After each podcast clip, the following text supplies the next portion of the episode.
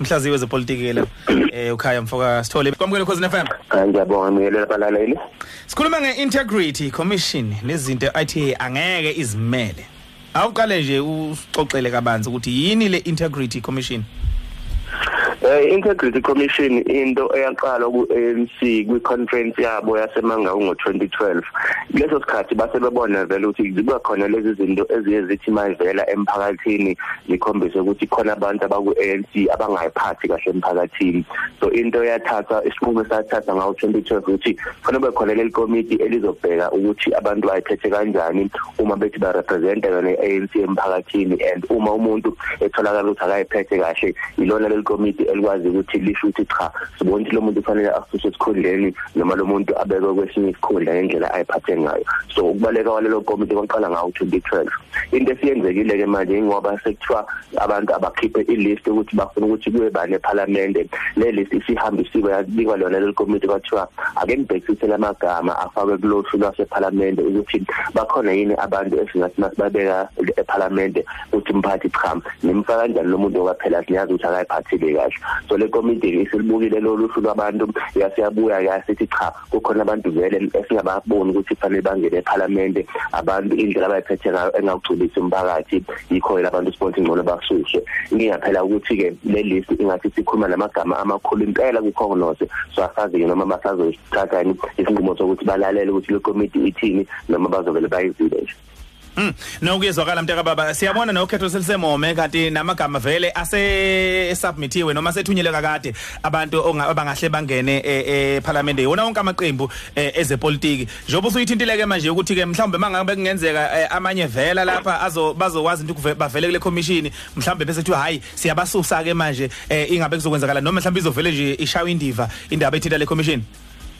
Hayi ngokushola kwami ngathi i-commission bazoshaya indima ngempela ngoba mawubhekisisa amagama asekishiwe uma ukhuluma ngosihlalo wayo ANC uGwedimantashe ukhuluma futhi ngesekela layo uDavid Mabuza. i-ANC angibona izovuma ukuthi labantu basuswe lezo ikhuluma ukuthi baye eParliament ngoba phela siyazi ukuthi kuye eParliament kunika amandla amakhulu kule ndawo yepolitiki uma futhi usuzobhukisisa ukuthi indlela i-ANC ehlangene ngayo njengamanje ukuthi nomabuza ngapha noma hashule ngapha bese ukuthi ngalena kwetafula noRamaphosa kanye naye uMantashe uma sekuqhamuka abantu abathi cha umabuza akakhishwe kuzovuza phela izona lezi bhokisi esayibona khona eNazareth abantu bazothi cha le commission isithathe isithathe ingxenye yabona ukuthi abantu abanjena abakhishwe isizobanga ukuthi kuliwe futhi phakathi kweANC ngoba siyakhumbula ukuthi lendlela uRamaphosa angena ngayo esikhundleni kwangena indlela elula wangena ethi cha ngizobambisana nabo labantu sebenzisana uma ke siqhama lesi sinqomo esithi hayi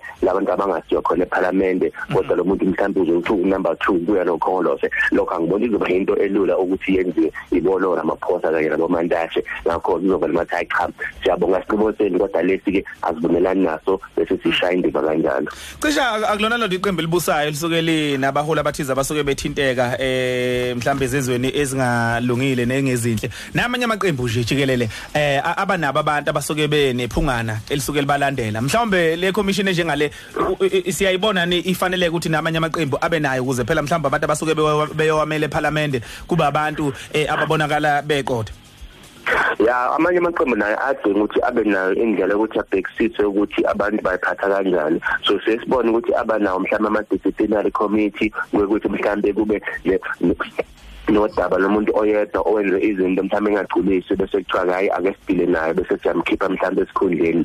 So zikhona zonke lezi zinto kwamanye amaqembu kodwa ku-ANC into yabaleka ukuthi mawukhuluma indaba yama disciplinary kuye kuthi umuntu ufanele asho ukuthi cha mina ngokubona kwami angenza ngalutho olubi nabanye bamphikise bese yathathwa kesinqumo kodwa indlela integrity commission ekhuluma ngayo ithi cha noma ngabe awukabanjwa ukuthi unecala noma ngabe awukafika enkantolo kodwa indlela oyiphatha ngayo sibona ukuthi izothi kumphakathi thina njengenqomo la Congolose asizwani lento nabantu abayiphatha kahle. Sizama ukuvikela abantu mhlambe abangakwazi ukuthi bayiphatha kahle emphakathini. So integrity commission yona ayivele nje ibhekisisa ukuthi unecala noma unacala nami iyayibukisisa ukuthi umphakathi uzoyibona kanjani le ndaba esikhuluma ngayo. Uma limona ukuthi umphakathi mhlambe uzothi cha iANC ayiphethe kahle emphakathini ithi noma ungenalo icala sibona ngcono fanele ugule esikhundleni. So wona mehluko bakhona phakathi integrity commission kanye nama disciplinary committee Mondisi.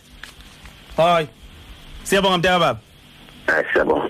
Alright mhlaziwe wezepolitiki ke la eh ukhaya mfoka Sithole besinaye ngalesikhathi eh sithinta ke nje ke indaba ethinta ke yona phela ipolitiki njengoba wazi ukuthi sinale ingosi ke siba nayo njalo mangabeke sinonhlanhla mtaka osathe hulu kuqo.